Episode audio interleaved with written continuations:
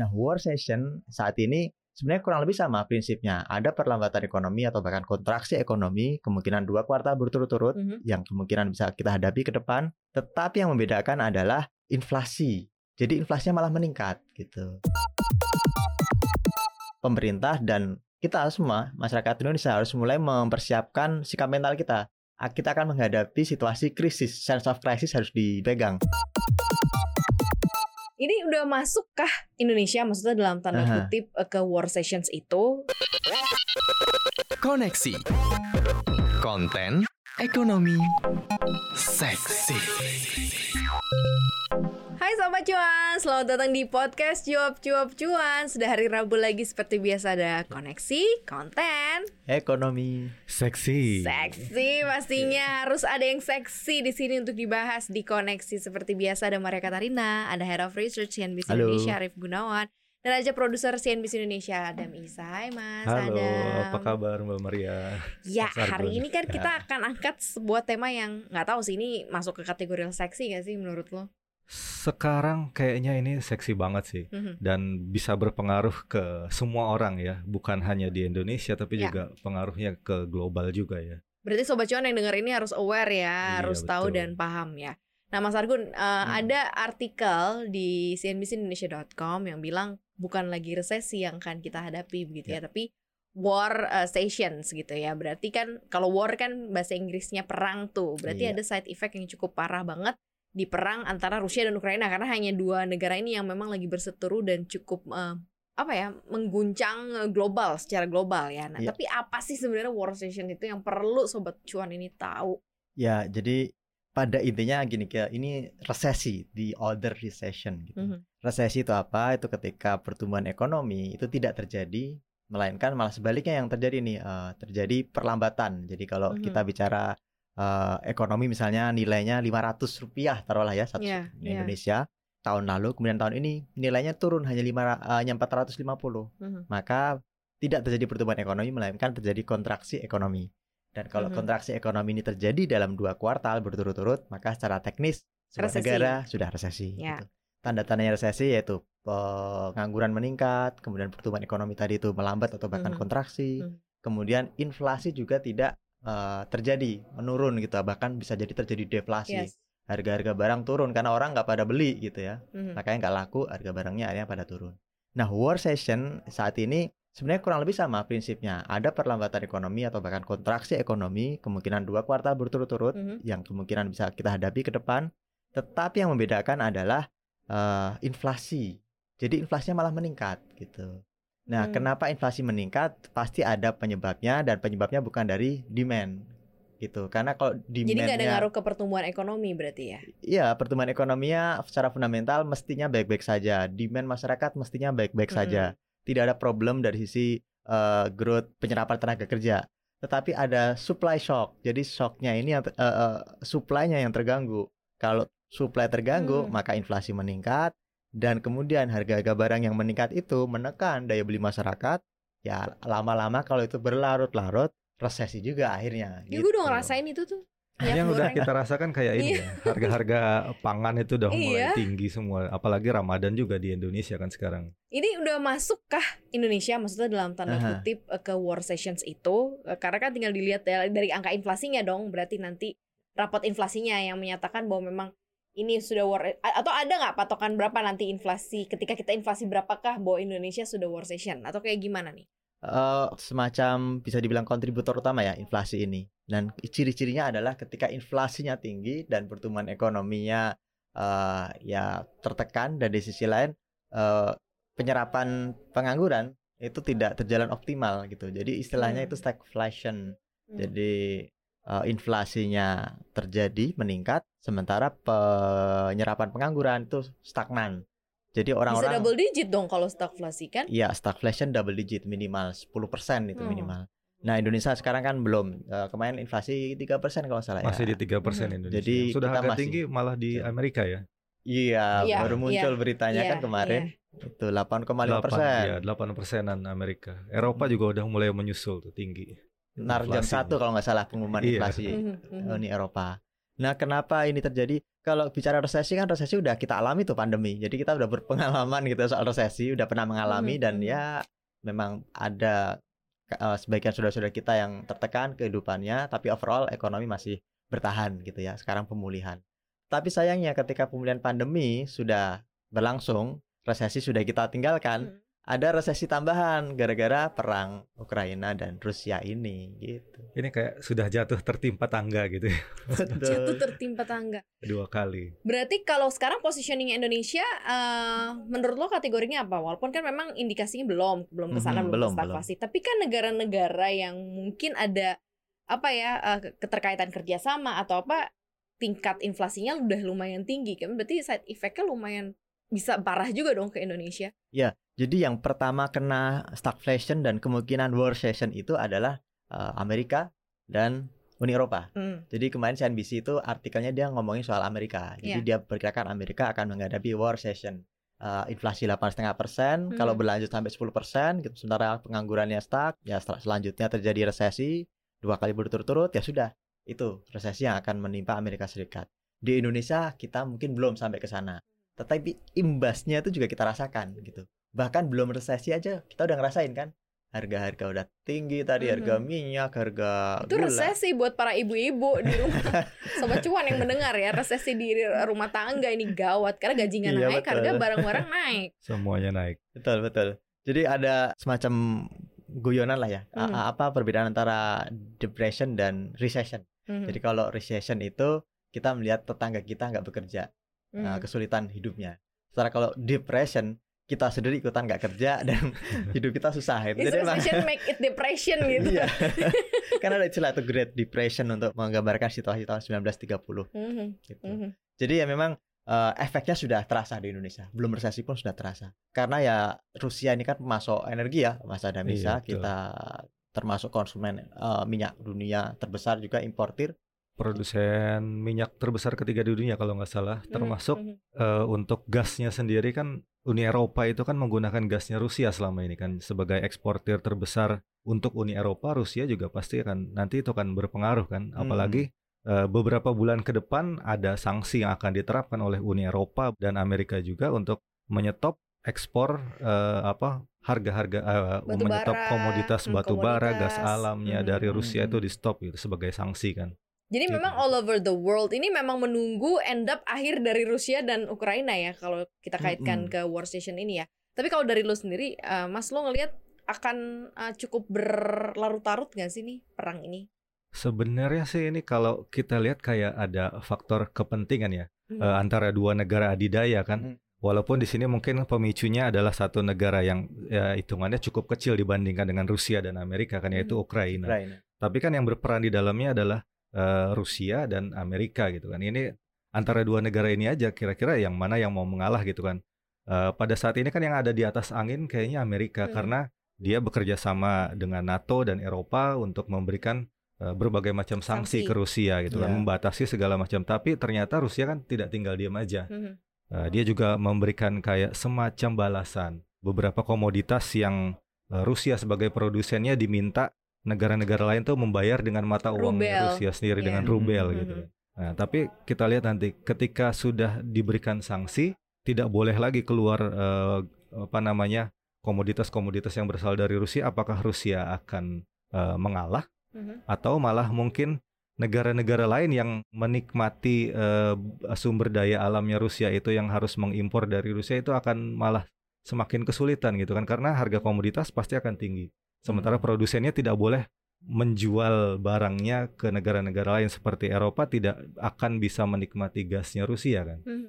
Mhm. Nah, kemudian negara-negara lain yang eh, mengimpor minyak dari Rusia juga tidak bisa menikmati dari mana lagi sumbernya gitu kan? Apakah hanya dari Arab Saudi gitu kan? Itu kan pasti akan membuat harga-harga bergejolak terutama komoditas minyak dan gas alam gitu kan. Mhm. Menjawab kondisi ini lo ngeliatnya kayak gimana, Mas Argun? Artinya eh, Rusia udah diba- dikasih banyak sanksi nih. Ya. Apakah dia akan mengalah atau justru dia akan melakukan tindakan yang lain gitu ya, eh, sehingga nanti membuat susah nih negara-negara yang memberikan sanksi ini karena sampai sekarang kayaknya mau disanksi kayak apa dia tetap aja kekeh Masih gitu kan. bertahan Ya. gitu. bertahan gitu. Yang lain mungkin eh, walaupun udah katanya udah ada diprediksi nanti eh, inflasinya bisa ke berapa tuh? apa 30. Rusia ti- iya 30. itu kan kayak bodoh amat gitu dia mah terserah gitu mau ngomong apa nih kalau tapi yang lo lihat akan kayak gimana kalau tadi kan dibilang ada ada konflik kepentingan Mas Adam bilang Ya. berarti kan akan panjang Panjang pasti. Kita harus eh, kalau perang frontal itu kemungkinan lebih cepat selesai. Hmm. Tapi kalau perang proksi yang sekarang terjadi ya, yang pemainnya kan Rusia dan Ukraina yang di atas panggung. Tapi di belakang panggung kan di belakang Ukraina ada tadi NATO, Amerika. Mereka masuk senjata, ngasih sanksi ke Rusia. Jadi perang proksi biasanya berlangsung lama. Contohnya apa? Suriah. Suriah itu kan bertahun-tahun gitu ya Hmm. perangnya di situ. Yaman, Yaman juga yang perang kan di atas kertas cuma pemberontak dan Arab Saudi. Tadi di Iya. belakangnya ada Iran kan di Iya. balik eh, Houthi gitu.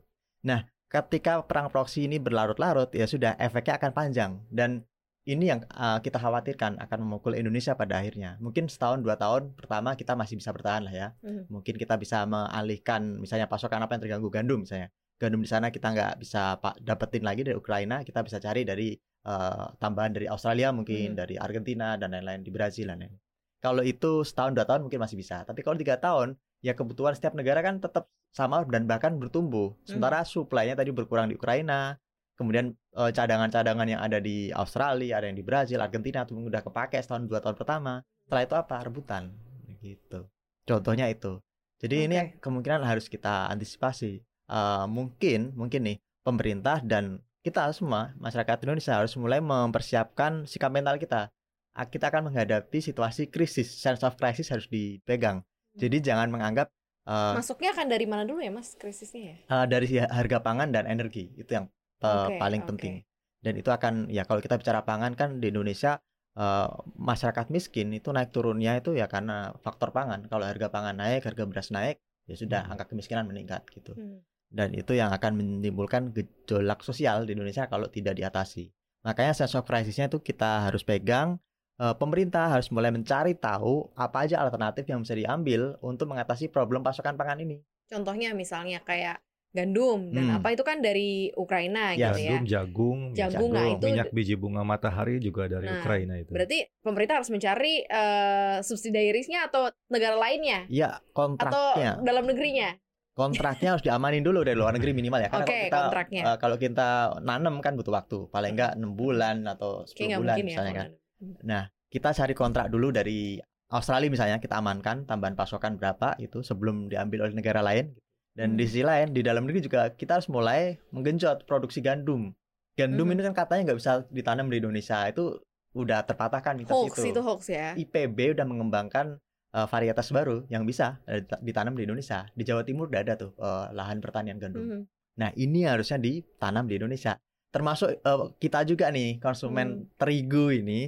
Iya, gandum esensial loh. Lo mau makan roti, mie, Mie. iya nggak sih? Iya. Dan kita juga harus mulai membiasakan diri untuk ya variasi makanan. Kalau ternyata mie-nya lagi nggak ada, nggak usah Jagung. borong gitu. Kalau borong itu tadi inflasi bos. Iya, iya, iya, iya, gitu. iya. Oke, itu kalau misalnya pangan gitu ya. Ya. Kalau yang lain kan masuknya energi dan pangan. Heeh, heeh. Nah, energi itu yang paling berat emang kita Repot, nanti kan? bicara soal BBM. Nah, Pasti lari-larinya harga BBM akan naik. Makin tinggi ya harga BBM ya. mhm.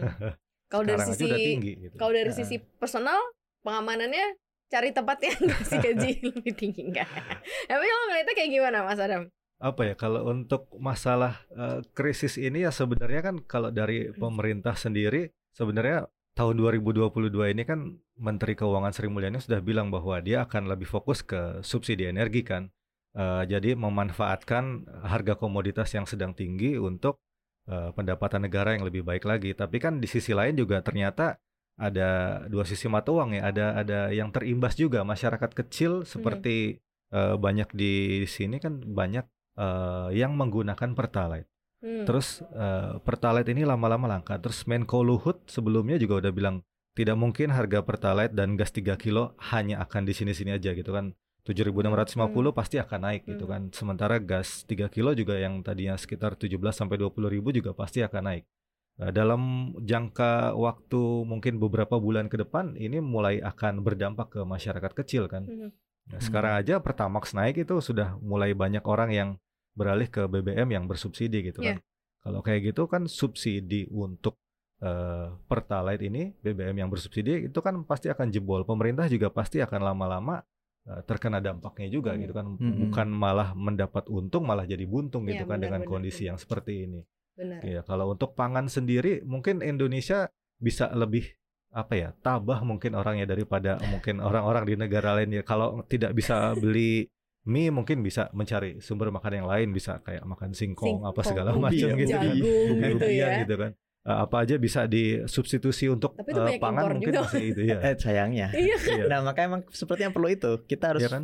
Perkuat nih sektor pangan di Indonesia mungkin masih eh, cukup banyak ya gitu kan Mm-mm. nggak ada nasi mungkin bisa ubi jagung dan lain-lain gitu kan makanya sebelumnya juga kan sudah ada food estate yang sedang dikembangkan di dalam negeri gitu kan. Cuma kan kita Ya, ya, belum ya. tahu perkembangannya hingga saat ini seperti apa kan apakah bisa memenuhi kebutuhan pangan di dalam negeri untuk Ya. dalam misalnya periode satu tahun gitu kan Mm-mm. nah itu kan kita harus prediksi juga tuh, seperti apa gitu Ini eh, kayak balap-balapan ya, maksudnya dalam negeri harus eh, compete dengan apa yang terjadi di luar gitu. Mungkin kalau tadinya dipikir ah perangnya Rusia sama Ukraina, ternyata efeknya ke Indonesia juga gitu ya. Iya. Nah, ka- yang paling eh, cepet berarti cuman ke kontrak itu tadi ya Mas ya? Ya paling dalam jangka pendek paling gitu. cepet jangka pendek itu. kontrak kontrak pangan ya harganya pasti udah ditetapkan Eh, kemudian kalau BBM ya mungkin eh, produksi dalam negeri belum bisa ditingkatkan dalam waktu dekat ya. Karena Hmm. kan masih nunggu pengembangan laut dalam dan itu nilainya besar lama.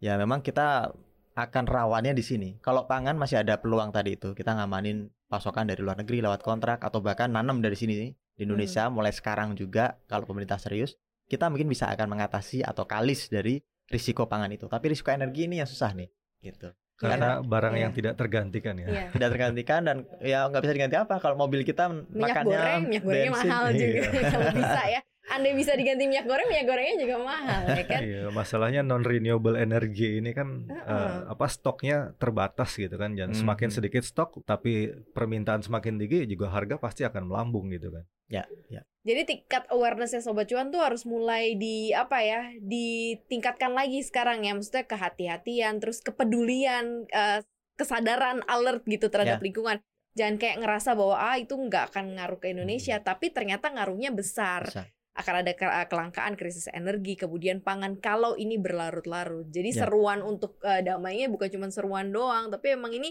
berdampak ke hajat hidup orang banyak gitu loh. Dan terutama juga ke kita sebagai konsumen akhir ya kan? Udah PPN naik ini harga-harganya naik semuanya naik coba gaji kita tolong dinaikkan. Ya mumpung kita belum war session nih Ya. makanya sobat cuan harus meningkatkan dana-dana siaga itu. Benar gitu. Dana-dana darurat penting dana darurat itu ya. mulai dipupuk gitu. Karena kan mungkin satu tahun satu dua tahun ke depan kondisi memburuk. Ya kita lihat pantau aja lah. Kalau Ukraina udah selesai ya alhamdulillah gitu. Tapi kalau lama ya khawatirnya efeknya berlarut-larut itu tadi. Dan kita harus nyiapin dana darurat. Mhm. siapa tahu nanti ada kenaikan harga LPG kan udah naik kalau nggak salah. Ah, LPG yang 3 kilo 12 kilo Oh 12 LPG kilo, 3 12 kilo kilo sudah kayaknya naik. ngamuk semua iya waktu dekat sepertinya yang 3 kilo Kayaknya juga akan bakal- direvisi ya karena Sama sudah berapa ya. tahun itu kan sudah nggak Hmm. nggak naik kan sama dengan pertalite juga. Mhm. Mm-mm. ada banyak mekanisme yang harus dilakukan oleh bangsa dan negara kita ya ya jadi ya, kuat-kuatan lah eh, sobat cuan artinya kuat bertahan juga begitu ya Mhm. untuk menghadapi situasi pandemi habis itu apakah resesi ataukah war sessions gitu ya Hmm. war apa namanya resesi akibat perang ya kita doakan yang terbaik sama-sama ya sobat cuannya semangat Thank you banget Sobat Cuan udah dengerin koneksi hari ini. Jangan lupa dengerin konten podcast kita yang ada di mana aja Mas Adam. Iya, jangan lupa ada di Spotify, di Cop Cop Cuan, kemudian di Apple Podcast, Google Podcast, dan juga Anchor. Jangan lupa dengerin konten-konten menarik di situ. Iya, jangan ya. lupa ya Sobat Cuan. Dan jangan lupa juga follow akun Instagram kita di @cuap underscore cuan. Dan jangan lupa untuk subscribe YouTube channel kita juga ya, di like dan juga di share. Jangan lupa kita juga tayang di CNBC Indonesia TV. Jadi all platform semuanya untuk informasi-informasi terupdate khususnya untuk Sobat Cuan ya. Terima kasih Sobat Cuan, jaga kesehatan terus, lancar-lancar puasanya. Maria Katarina pamit. Argun pamit Ada misal pamit. Bye! Dah. Bye.